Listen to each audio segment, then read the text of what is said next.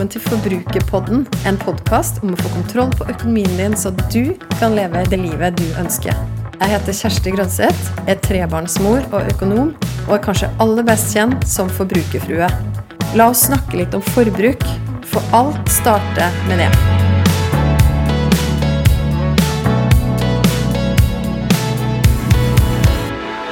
Det er usikre tider, og mange må snu seg rundt raskt og spare penger. I tillegg står matvareprisene i fare for å øke pga. en lav kronekurs. Om prisene går opp, trenger det å bety at vi må bruke mer penger på mat? Eller er det mulig å gjøre noe med forbruket? Jeg tror det er tid for å bygge noen nye vaner. Og hvordan kan vi spare penger på å spise opp maten vår? Ja, det er en stor glede og en ære for meg å få lov til å introdusere gjesten min i denne episoden. Det er selvfølgelig hele Norges matredderdronning, Mette Nygaard Havre. Velkommen til Forbrukerpodden, Mette. Å, for en fin introduksjon. Tusen takk. Veldig kjekt å være her. Det her er veldig stas. Jeg er litt sånn starstruck, er det lov å si det? Ja, Da blir jo jeg bare helt flau, for det, det, jeg, er jo, jeg, er jo, bare meg. Så, men det er jo kjempehyggelig å høre. Tusen takk. Ja, Du er bare deg, og vi er da ikke sammen. Vi sitter ikke sammen, det er jo koronakrise, og vi sitter i hvert vårt eh, hjemmestudio. Men det er likevel veldig, veldig hyggelig. Og du Mette, for de som da eh, ikke kjenner deg, kan du fortelle litt om deg selv? Altså, Hvem er Mette? Hvem er Mette Nygaard Havre? Jeg er jo da først og fremst mor. Jeg har to barn på 11 um, og 14 år. Jeg er gift med Fredrik. Og så har jeg en bakgrunn der jeg jobbet 14 år i avfallsbransjen her i Bergen. Ble vanvittig miljøengasjert med å jobbe der. Og startet da folkebevegelsen Spis opp maten for tre år siden, er det vel nå. Uh, og det var rett og slett fordi jeg med egne øyne så de vanvittige mengdene med spisbar mat som blir kastet hver eneste dag. Og det snudde rett og slett livet mitt på hodet. Så jeg har vel egentlig alltid vært uh, miljøengasjert, men uh, det var rett og slett jobben som tok meg tre skritt videre og fikk meg egentlig først til å bli nesten en aktivist. da. Det blir av og til kalt det. Eh, men eh, sjøl så prøver jeg å si det at eh, jeg prøver på en positiv måte å fremme en endring, men vi må på en måte både endre holdninger og atferd hos folk, sånn at vi da kan redusere dette matsvinnet. Så jeg er jo en veldig engasjert person. da. Miljøengasjert. Ja, det er fantastisk, eh, Mette. Og, altså, du nevner folkebevegelsen Spis opp maten. Fortell litt mer om den. Ja, altså Det var jo eh, nå i 2017 så uh, måtte jeg gå inn til sjefen min den gangen og spørre om det var greit at jeg opprettet en side på Facebook. Jeg hadde nemlig oppdaget da, som på hjemmebane at vi For vi hadde Jeg hadde egentlig bestemt meg for Jeg syns vi kastet for mye mat hjemme. Jeg så jo hvordan det var i avfallsbransjen. Jeg syns ikke vi var flinke nok på hjemmebane. Jeg ønsket at mine barn skulle få større respekt for maten enn det jeg opplevde at de hadde. Og da måtte jeg uh, Jeg la ut litt på min private Facebook-side, egentlig. Begynte å legge ut litt sånn mattips og restemat som vi laget. Vi innførte restetorsdag. Og så var det utrolig mange av mine venner på Facebook som bare de syntes bare det var kjempegøy og spennende, og alle kommenterte, og det var mye. Så jeg bare tenkte ok, her, her er det et eller annet. Og da gikk jeg til sjefen min spurte om er det greit at jeg oppretter en profil på Facebook som heter Spis opp maten. Den gangen tenkte jeg nok ikke at det skulle bli min fremtidige arbeidsplass. Eh, og sjefen min den gangen, så en utrolig fin fyr, han sa jo bare ja, det må du gjerne gjøre. Selv om det da var litt sånn eh, på fritid og var meg og familien. Men så balte det jo veldig på seg, da.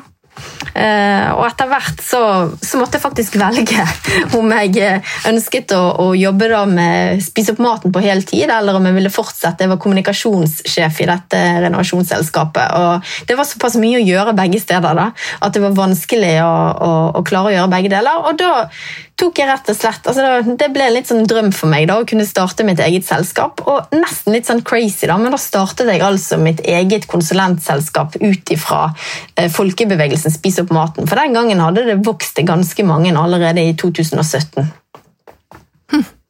Wow. Og det, det, det, er jo en fantastisk historie. Altså Fra avfallsbransjen og til å se dette da ja. med egne øyne hver eneste dag, til å faktisk bli en del av løsningen og også oppfordre, altså bevege folket da, til å gjøre det samme. Og det er også sånn ja, jeg har oppdaga deg. da, gjennom, eh, ja. Det var vel først gjennom Instagram-kontoen Spis opp maten, tror jeg. At du mm. dukka opp eh, som et friskt pust i min eh, feed og, og, og har gitt meg utrolig mye gode tips. Ja, Det er jo veldig kjekt å høre. Og, og det, jeg var jo raskt, altså Vi begynte med Facebook den gangen, men jeg var raskt inne på Instagram også. Uh, og så jo at der vokste det mye. og det er klart at, uh, at der, det er på en måte en viktig plass å være. da, Men jeg, jeg føler jo nesten at altså, Spis opp maten har blitt et sånn opplysningskontor for matredding. og det som er viktig for meg, det er å prøve å snu kommunikasjon litt positivt. For Før ble det snakket mye om matsvinn, men matsvinn er jo egentlig gørr kjedelig. Men, men, hvis du kan vri det litt da, altså, ja, men Det er mye gøyere å være en matredder. Mm. Hvis du går på butikken og så skal du kanskje se etter nedpriset mat, så er det mye gøyere hvis du ser på deg sjøl som en matredder, enn mm. om du skal tenke å, nå må vi redusere matsvinnet. Så mm. Det handler mye her om positiv kommunikasjon og hvordan kan vi motivere folk til å faktisk være med og gjøre et bidrag. Og så er det et bidrag som må gjøres, enkelt og greit. Vi skal halvere matsvinnet innen 2030. Det er et av FNs bærekraftsmål. Mm. Uh, og matsvinn har en kjempestor påvirkning på klimaet. Og Da tenker jeg at da, sånn, da, burde det egentlig være ganske enkelt å bare bestemme seg for at det skal vi i hvert fall være med å gjøre på hjemmebane. Mm. Ja, og så har du jo det her da med at det går jo utrolig godt uh, hånd i hånd med det å, å tenke på klima, mm. og det å tenke også på sin egen lommebok. Og jeg ja, må si at uh, For vår del, uh, i min familie, så tror jeg så Vi snakker vi utrolig mye om å uh, spare penger på mat. Og jeg tror det, jeg snakka litt med mannen min om det, vi tror faktisk at det at vi spiser opp restene, at vi utnytter rester, det er et av de triksa som gjør at vi sparer mest. Og, det, og det, altså det, er jeg helt overbevist om. Og jeg tenker, Først i begynnelsen jeg snakket om dette, så var jeg veldig sånn ok, Alle var ikke like opptatt av miljø i 2017 som de er nå i 2020. Det har skjedd veldig mye på disse årene. Men alle er opptatt av sin egen økonomi alle er opptatt av faktisk at de ønsker å ha mest mulig penger igjen i lommeboken. Og jeg tenkte da at ok, Hvis jeg kan få på en måte klima og lommebok til å gå hånd i hånd, så er det helt strålende. Mm. Så det som skjedde blant annet, Jeg har en historie her i Bergen for en kamerat av meg som er skilt, gift på nytt. De har fem barn til sammen, stor gjeng, eh, og barna er blitt store, de spiser mye. Så det han, hver mandag så begynte han plutselig å sende meg sånne bilder på Facebook. da bare, ei, 'I dag har jeg vært på butikken og kjøpt eh, og reddet noe mat. Kjøpt nedpriset mat. Um, og da hadde han funnet på en måte sine nærbutikker som hver mandag morgen la ut mat som da nærmet seg dato, så han fikk til en billigere penge. Og, eh, og, jeg sendte alltid sånn klapp tilbake. 'Å, kjempebra, og så flink matredder du er', og, og kommenterte til han at 'dette er jo knallbra jobb du gjør for miljøet'. Og så sier han, går det ikke så lang tid, så sier han til meg du, jeg må bare innrømme at det er ikke for miljøet sin del at jeg redder denne maten. Det er kun for min egen lommebok sin del. Og han regnet på det, og de sparte 30 000 kroner i løpet av et år. Og det handlet ikke om at de altså de, de var veldig flinke å spise opp maten de kjøpte inn òg, men handlet, altså da hadde han regnet ut fra hvor mye han sparte, så han så på kvitteringen som han fikk i butikken, han tok vare på den. For for han var det en fryd å se at det sto minus, og han regnet oss sammen hver eneste uke. Hvor mye har jeg spart denne uken? Så for han så var det bare sånn, han syntes det var kjempekult. Wow. Men det som har skjedd med han da, og det er jo det fine, sant? for det, okay, han påsto at det var egentlig bare for lommeboken sin del, men nå, i 2020, han har holdt på med det her en god stund, så har han skjønt at han er faktisk med å gjøre noe bra for miljøet i tillegg. Mm. Så han er jo blitt en matredder på sin hals. Og det, og det, er jo litt gøy at innfallsvinkelen kan også være at man ser at man kan faktisk få bedre økonomi ja. med å ta miljøvennlige valg. Det var jo rett og slett en helt fantastisk historie. Og 30 000 på et år, det, det, nå ble jeg veldig imponert. Ja, det, og det tror jeg fint du kan. Altså, hvis du er en familie på fire-fem stykker, så tror jeg ikke det er noe problem. Men, men jeg liker jo veldig godt det du sier òg, at hvis du er bevisst og spiser opp maten du handler inn, så sparer du også mye. For det var en av de tingene som jeg så i avfallsbransjen. Folk kaster altså, eh, firepakk med laksefileter. Folk kaster hele pølsepakker. De kaster eh, fulle rømmebokser. De kaster hermetikkbokser som ikke er åpnet. Suppeposer. Så det er klart, når det som skjer i Norge, er jo at veldig mange har god nok økonomi til å kjøpe den maten de har lyst på. Så selv om folk er flinke og lager kanskje en ukesplan for hva de skal handle inn, og de handler for uken, så er det mange som kommer til onsdag og så, nei, så har ikke de så veldig lyst likevel på det som de har kjøpt inn resten av uken. Mm. Og så kjøper de kanskje enda mer mat. Og det som skjer Da det er jo at da er det mye mat som plutselig gjerne går forbi dato i kjøleskapet, og så blir det kastet. Mm. Altså For min del så er jo det litt sånn det der er jo helt forkastelig, men det skjer i veldig mange hjem i dag. Fordi at mange de har mer enn nok råd til å faktisk kjøpe den maten de trenger. Så jeg tenker nå, når vi står midt oppi koronakrisen, dette kan forandre seg sterkt. Så en av Altså, det er vanskelig å si så mye positivt som skal komme ut av dette, for det er, en, det er en tung situasjon nå, men en av de positive tingene er nok at vi faktisk kan finne tilbake til respekten for maten og ta vare på å spise opp alle råvarene. Mm. Wow. Ja, eh, det med eh, det du sier der med både, både, litt sånn hvordan vi tenker om maten, men også hvordan vi, vi tenker om oss sjøl, og hvilke mm. grep vi tar, det, det, tror jeg er så viktig. Og både det med å Altså, mat, det tror jeg er et område som mange har mye å, å spare på. Um, mm. og, og, jeg også ønsker å gjøre det litt sånn morsomt, og litt uh, gjøre gjør det til litt sport å spare penger på mat. Og særlig det hvis man kan spise altså Man trenger ikke å begrense seg å spise noe dårligere mat eller sånn for å spare penger på mat, men rett og slett det å, å planlegge, og også planlegge da Eh, sånn som du med det eksempelet ditt med å legge inn en rest til middag, f.eks., eller mm. ha med middagsrester til lunsj osv. Eh, for du, du, snakker mye om det å, å, utfordre oss til å bli mer bevisste forbrukere og gjøre små endringer i hverdagen. Altså, hvilke, mm. hvilke konkrete, flere konkrete eksempel har du der? Nei, altså jeg, og Det med å være bevisst forbruker var jo noe jeg begynte å snakke mye om og skrive mye om når, eh, i sånn debattinnlegg når jeg jobbet i avfallsbransjen òg. Fordi det handler om det, Jeg mener jo at det handler veldig ofte om de små tingene da, for at det kanskje skal bli at vi skal få en enda større påvirkning. Men for eksempel så øh, jeg er opptatt av å redusere plast der jeg kan. Altså Plast er viktig på veldig mye, men eh, jeg har ikke brukt en plastpose når jeg har handlet mat de siste tre årene. For det er ufattelig enkelt å ta med seg handlenett når du bare har innarbeidet valen. I begynnelsen så er det lett for at du glemmer det, men det betyr at jeg, det er veldig mye plast jeg ikke har trengt å bruke. da, eh, Fordi at jeg bare kuttet plastposen og sånne tynne plastposer hjemme. Eller vi, altså vi, vi gikk rett og slett litt sånn igjennom, og så så vi hva er det vi bruker som genererer mye avfall? Altså, Vi brukte vanvittig mye tørkepapir, og så brukte vi mye aluminiumsfolie. Så sånn, Hvorfor bruker vi så mye aluminiumsfolie? Det er jo helt unødvendig, og så kaster du det til slutt. Og Det er jo også en ressurs som kan gjenvinnes, men likevel helt unødvendig. Men vi pakket altså skjært opp frukt, og så pakket vi det gjerne inn i aluminiumsfolie. Totalt unødvendig. Men det handler jo om å bli bevisst. Mm. Bevisst handlingene du gjør. For mye du gjør, du tenker ikke, du tenker gjerne ikke over det. Ellers er det andre ting som jeg gjør. Jeg går for eksempel, no, Folk tenker gjerne jeg er rar, men jeg går med bestikk alltid i vesken. da. Mm. Det har jeg alltid med meg. Fordi hvis jeg, skulle, hvis jeg skulle komme over et eller annet sted at jeg må bruke plastbestikk, så, så har jeg mitt eget bestikk. Og det har jeg hatt i mange år i vesken. Og før ble jeg nesten sett på som litt rar som hadde det, mens nå begynner det heldigvis å bli mer vanlig. da. Så jeg tenker det er jo Eh, det er altså både andre ting vi er bevisst på. Det er jo selvfølgelig når det gjelder mat. Altså Mine barn er sånn hvis det er frukt i fruktskålen som er litt myk eller ser litt kjip ut, så de bare sånn ok, da bare kutter vi det opp og så hiver vi det i frysen, og så mm. kan vi lage smoothie av det. I dag så laget datteren min eh, bananboller av altså Det var tre, oh. de var helt, helt koldsvarte bananer.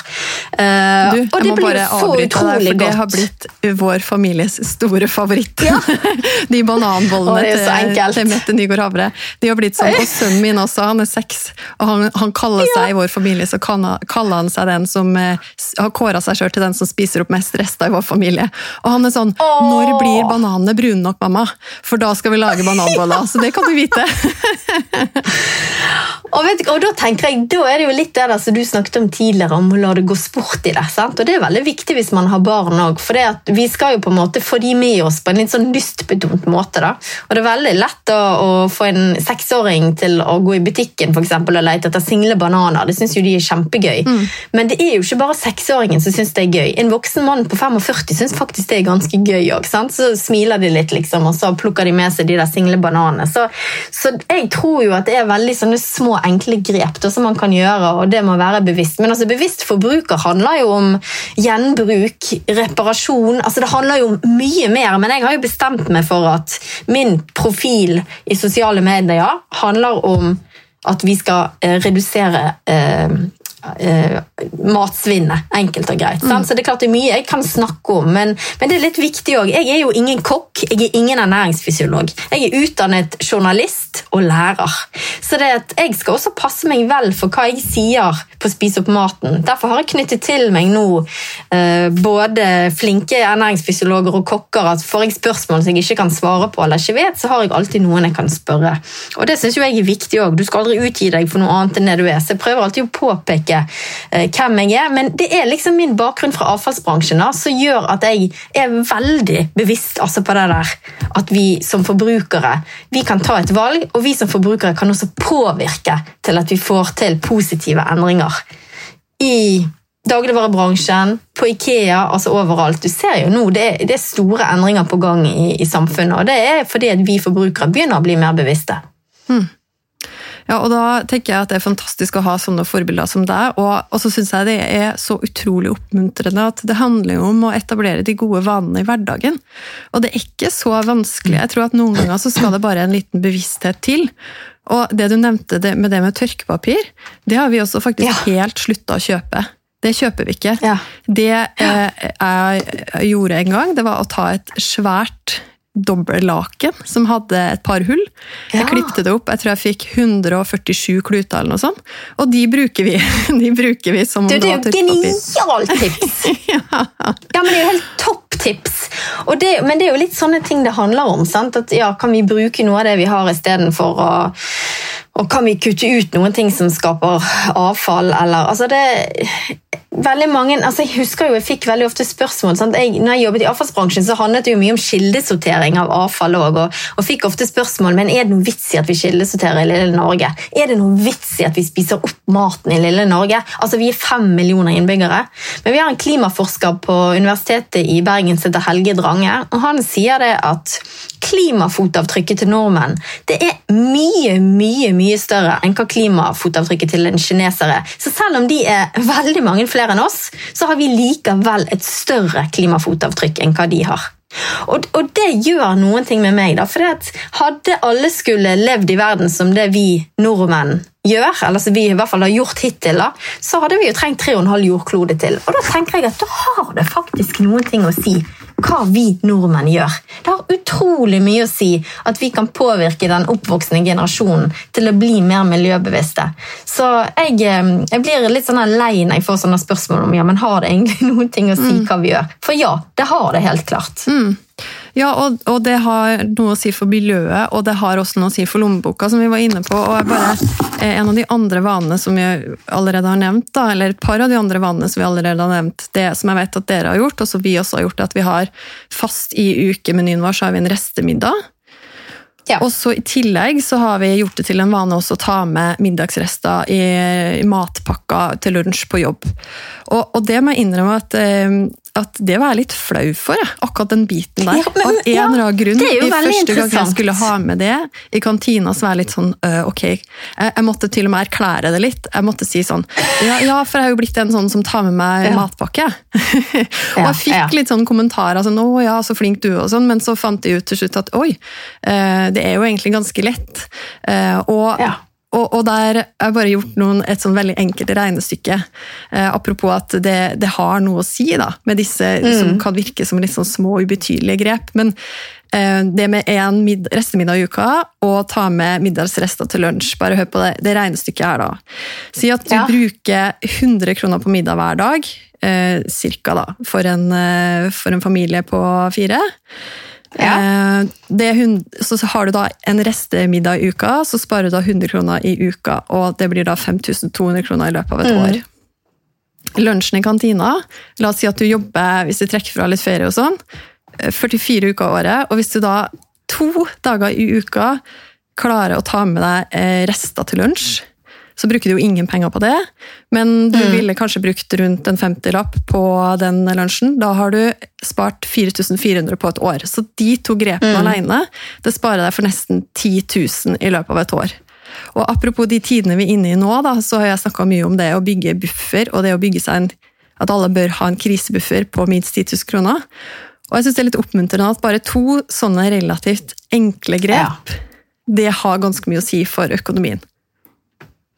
Men igjen? Altså, der inspirerer jo du folk veldig òg, fordi at du faktisk forteller dette. For det er akkurat det samme med de tingene som du sier som går her på økonomien, som går på akkurat det her med maten òg. Det er jo egentlig utrolig enkle grep i hverdagen. Dette klarer vi alle sammen.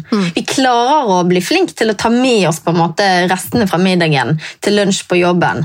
Og når du da kan bli motivert til å høre det regnestykket i tillegg, sant? Så, så tenker jeg at du skulle tro at de aller fleste har lyst til å spare opp noen penger.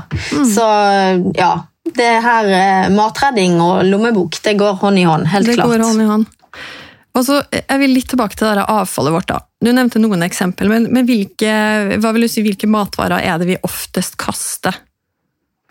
Vi kaster aller mest av tallerken- og gryterester. Så det vil si eh, at altså Helt sånn crazy igjen, da. Men folk forsyner seg med for mye på tallerken når de skal spise middag. Og dermed så blir kanskje det skrapt av og går i avfallet. Eh, det er så enkelt som at vi må bli flinkere til å forsyne oss flere ganger. Og Jeg har jo en sønn da på 11 år, og han er sånn, noen ganger så forsyner han seg veldig lite. Så bare sånn, Skal du ha så lite til middag? Og det er bare sånn, Mamma, hallo, jeg er jo en matredder. Jeg kan jo forsyne meg flere ganger. Du vet jo det vel.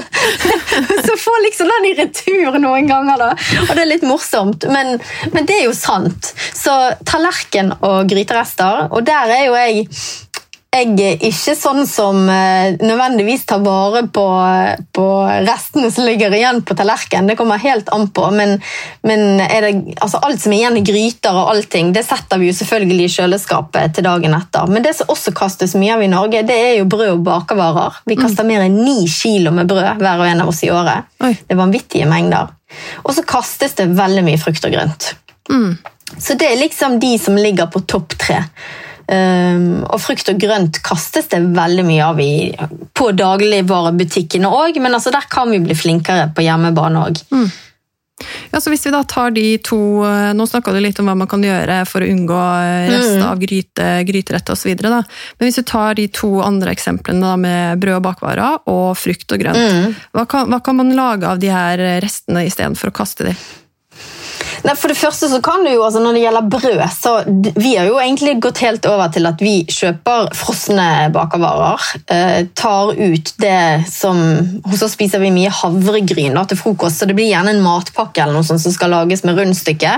Eh, men det eneste er at det kan gjerne bli dyrere sant, i lengden enn om du skal kjøpe brød. Men da kan du kjøpe brød, så skjærer du det opp i skiver, og så fryser du ned, og så tar du ut to brødskiver eller det som du skal ha til matpakken. Men så er det jo sånn også da at her, selvfølgelig blir brød tørt hos oss av og til. Sant? Eh, Vi er langt ifra perfekte, vi heller. Men det er utrolig mye deilig som man kan gjøre med tørt brød. Lage brødkrutonger, eller bruke det som sånn eh, på at du kan raspe opp brød, at du får brødsmuler av det. Så kan du ha det på toppen av gratenger. Du kan lage armeriddere, du kan lage ostesmørbrød. Altså det er sånn, igjen, det handler egentlig bare om å bruke fantasien. Da. Det er så mye deilig som du kan lage ut av det, selv om det har blitt skikkelig tørt. Og frukt eh, og grønt, altså det, jeg synes jo det gøyeste jeg vet, det er jo hvis jeg har salat i kjøleskapet som har lagt litt for lenge, begynt å bli litt slapp. Da er det bare å finne fram en skål med kaldt vann, legge salaten oppi, og noen timer oppi der, så er faktisk salaten helt frisk og fin igjen. Ja. Og det er jo samme med, med gulrøtter. Altså, jeg tror de fleste har opplevd at eh, de gjerne kan ha, ha noen gulrøtter som er blitt helt sånn myke, så du kan bøye de. Og da kutt de opp i biter, legg de i en skål med vann, og så blir de helt som ny igjen. Ja, og det de syns jeg er så gøy. Ja, ja, det, jeg synes det er kjempegøy. Og Spesielt salaten, for den blir jo sånn skikkelig crunchy. Så når du da spiser Jeg, jeg tygger denne salaten, så bare får sånn utrolig glede. Jeg tenker yes! I går var det det her skikkelig sånn slapp og kjip, og i dag så er den bare så crunchy og god å spise. Og det, det er sånn lykkeøyeblikk. Men det er sånn alt av rotgrønnsaker det kan du rett og slett få liv igjen, for det trenger bare litt ekstra vann. Sant? Det trenger litt næring. næring. Og alt av, eh, av der synes jeg, der kan du være uheldig òg. Du kan ha kjøpt eh, en boks med jordbær, og så er de nederste kjempestygge. Men nå kan du i hvert fall kutte av og ta det som du kan spise, og ta det i en boks, og så fryser du det, og så bruker du det til smoothie, eller du kan lage is av det. Altså, det er så mye godt. så det, det handler mye om å være kreativ, men jeg får ofte den tilbake at folk sier ja, men jeg har ikke tid til å være kreativ. sant? Eller ja, men jeg klarer ikke å komme på de ideene. Og jeg tenker at I dag så har du nesten ikke lov til å si det, for det, det fins ufattelig mange gode kontoer på Instagram, ikke minst. Altså, det er jo en av de store endringene siste året. Det popper jo opp med nye kontoer. Masse folk som eh, snakker både om økonomi, men ikke minst om mat og matredding. Altså, det er ingen som lager en kokebok i dag som ikke har med seg noen ting om restemat, eller hvordan du kan bruke et eller annet Sånn var det ikke for to år siden. Mm. Så, så, jeg tenker at i dag så har du så mange muligheter da, til å, at du kan få hjelp til å være kreativ. Så her handler det litt om å bare gidde å bry seg også. Og jeg tror jo igjen, nå etter koronaperioden, at folk kanskje vil bry seg litt mer. Mm. Ja, fordi Apropos eh, liksom, korona og at vi er veldig mye hjemmebasert, de fleste av oss eh, om dagen. da. Eh, jeg har fått inn noen spørsmål fra, som folk hadde lyst til å stille deg. Og ja. Et av spørsmålene der er hvilke smarte ting er det, eh, bør man ha i fryseren eller i en matbod typisk, så man kan trylle fram noe digg av i disse tider? Ja, jeg syns jo uh, det er kjekkest å ha ting egentlig i tørrskapet. da. At det har uh, Nå blir vi blitt så grådig glad i bønner og linser, og at du har liksom den slags. For det er sånn som står i kartonger, som holder seg veldig lenge. Men også selvfølgelig at man har krydder. Ulike krydder. At man har litt tørrvarer. At man har uh, pasta, eller om man har ris og, og den slags. Når det gjelder fryseboksen, så er jo folk veldig flinke til å fylle opp fryseboksen, og så får de veldig god samvittighet. og så glemmer de at mye ligger der. Mm. Så, så, i fryseboksen er det jo egentlig viktig at man prøver å spise seg ut av frysen. Og jeg tenker I den tiden vi er inne i nå, så er det jo helt perfekt å ta litt sånn dypdykk og se hva ligger nede i frysen som man kan spise opp. Men eh, jeg har egentlig ikke så veldig mange ting som jeg har liggende i, i frysen som jeg tenker at jeg skal ta vare på veldig lenge. Det viktigste for meg, utenom frukt, for der er det alltid altså, frukt som vi fryser ned som vi har til smoothier og sånn, men det er mer de der basisvarene i tørrskapet, tenker jeg, som, som er de aller beste. og og eh, Da har du liksom alltid noen ting som du kan lage ut ifra. Og så ikke minst, ja, En ting som vi alltid må ha, det er jo bokser. altså sånn uh, Hakkede tomater ja. på boks. Det er bare helt livsnødvendig. Uh, og, og, gjerne, da, hvis det er noe fro frossen fisk i frysen, liksom, så syns jeg det er helt topp også å blande sammen. Så det, det er ekstremt mye som du kan klare å lage ut ifra en sånn boks med tomater. Mm. Også hvis du da har noen tomater som begynner å synge på siste verset, så er det perfekt å bare stappe de oppi sammen med denne boksen med, så du åpnet om hakkede tomater. For da er det ingen i familien som sier 'æsj, de myke tomatene', for da er det ingen som ser de lenger. og Da spiser de de. Genialt. Du, Et annet spørsmål jeg har fått, er at, for Vi har snakka litt om middag, og det var flere som har sagt at ja, der tror jeg vi er egentlig ganske gode. Men, men ja. altså, hvilke sånne gode tips har du på, på å spare inn og redde mat, eller gjøre noen smarte tips på frokost, lunsj, kvelds og gjerne noen snacks? For der er ofte pengesluket da, for, for noen.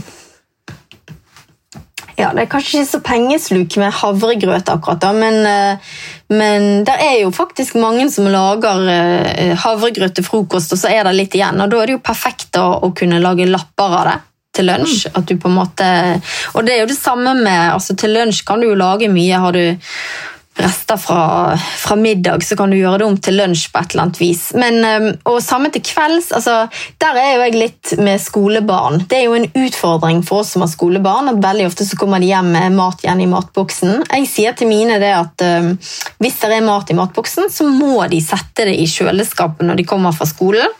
Det er de absolutt ikke veldig flinke til å gjøre, men de husker det av og til.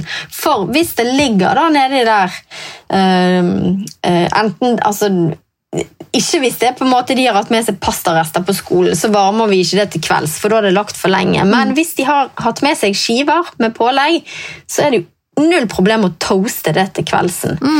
Og det vet jeg at flere og flere faktisk er blitt, blitt flinke til å gjøre. Men, øh, Og så kan det høres litt kjipt ut, for du ser for deg en sånn matpakke med en skive med leverpostei som ligger svetter og kjip. Så, så det er egentlig ikke det jeg mener. sant? Altså, det går en grense for oss òg, men, men det er veldig mye som du kan trylle om, og så blir det veldig godt igjen. Og snacks, da?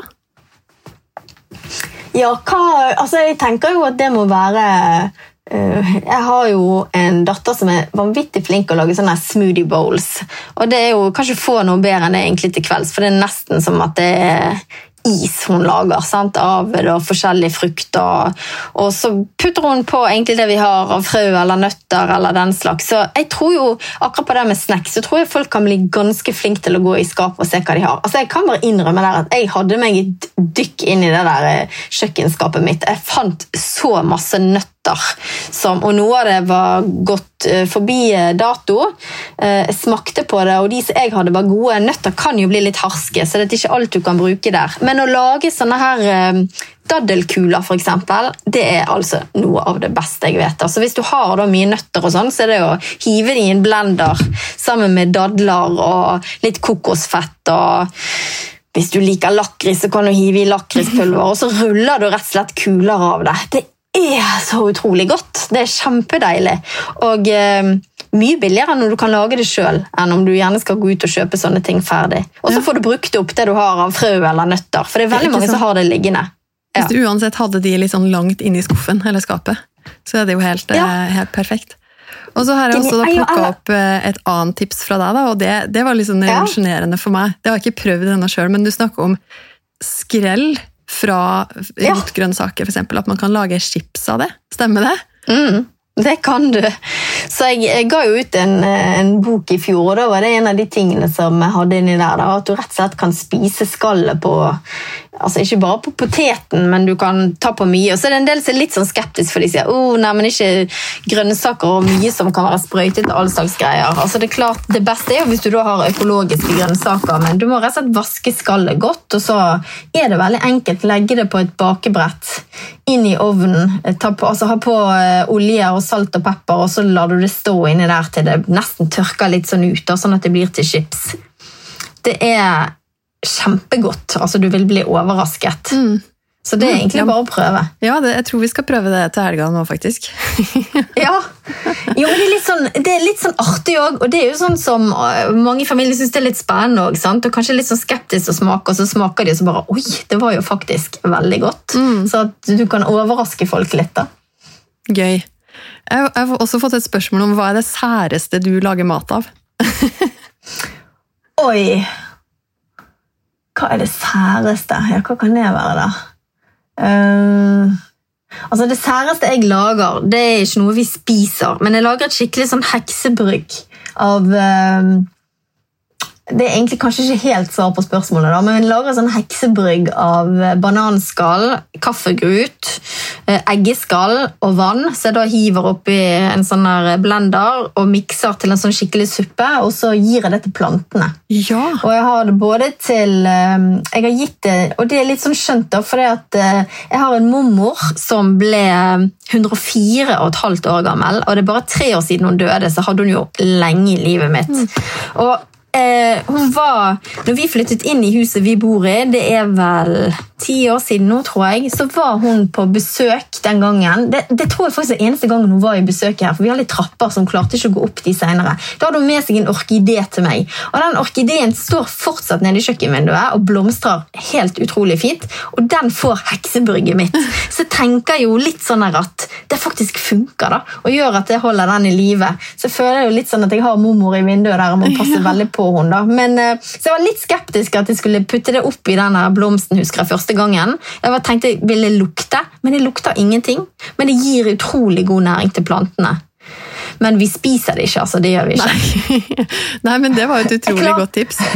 Ja, det er et kjempegodt tips. Det er jo, men det er klart, eh, um, altså vi har jo en sånn kompostbinge, altså det meste av bananskall og den slags går oppi der. Da. Men det er litt gøy at du kan prøve å teste ut med noen ting i hvert fall mm. innimellom, så du kan lage noe av.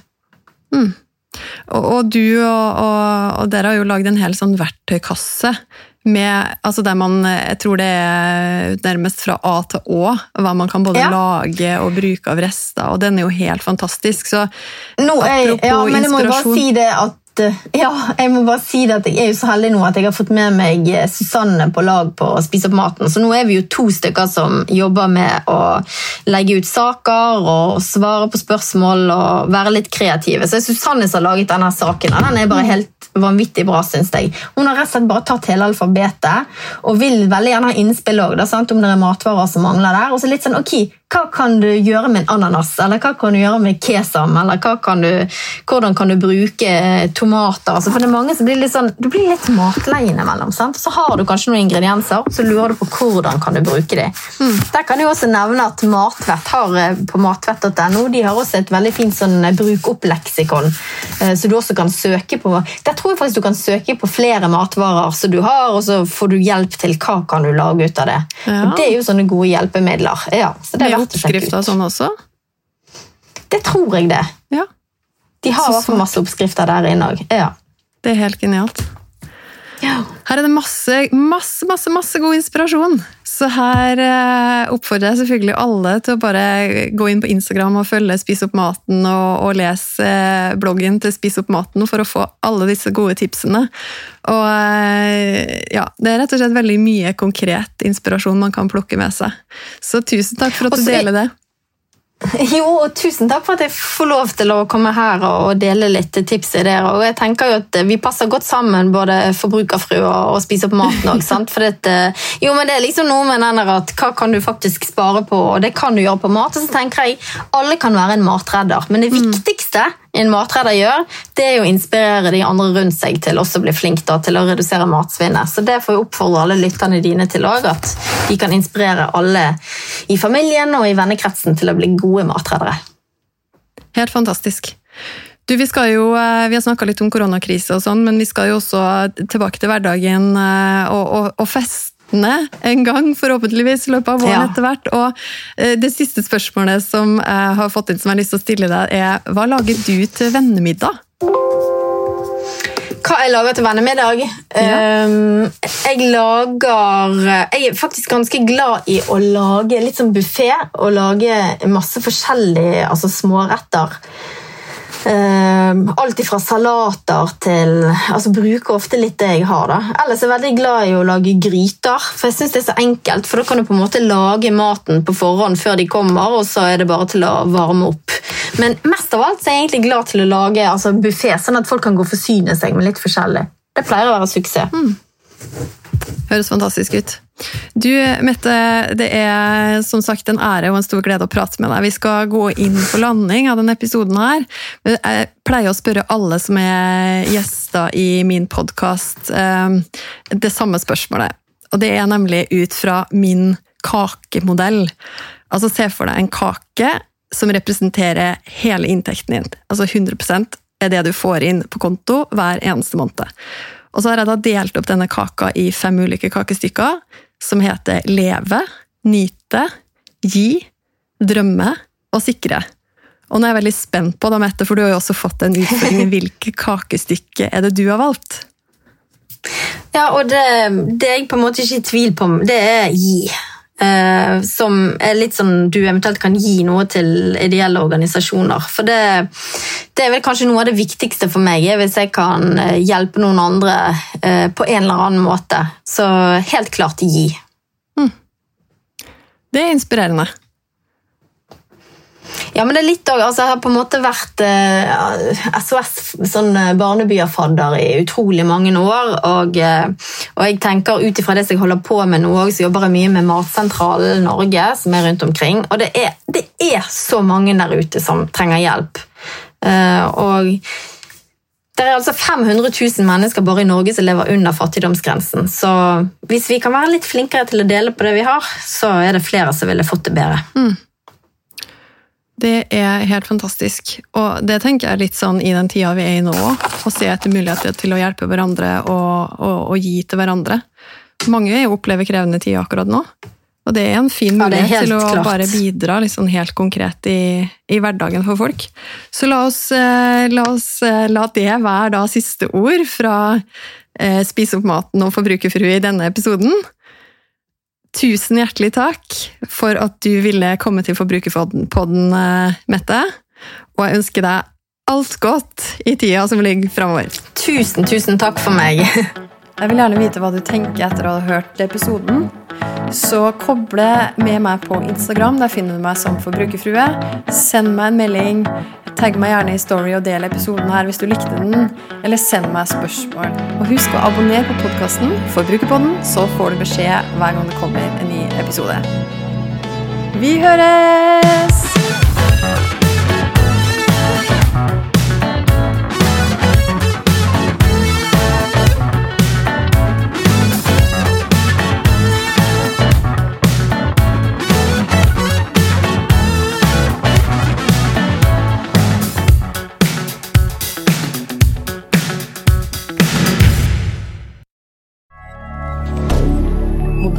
Kader.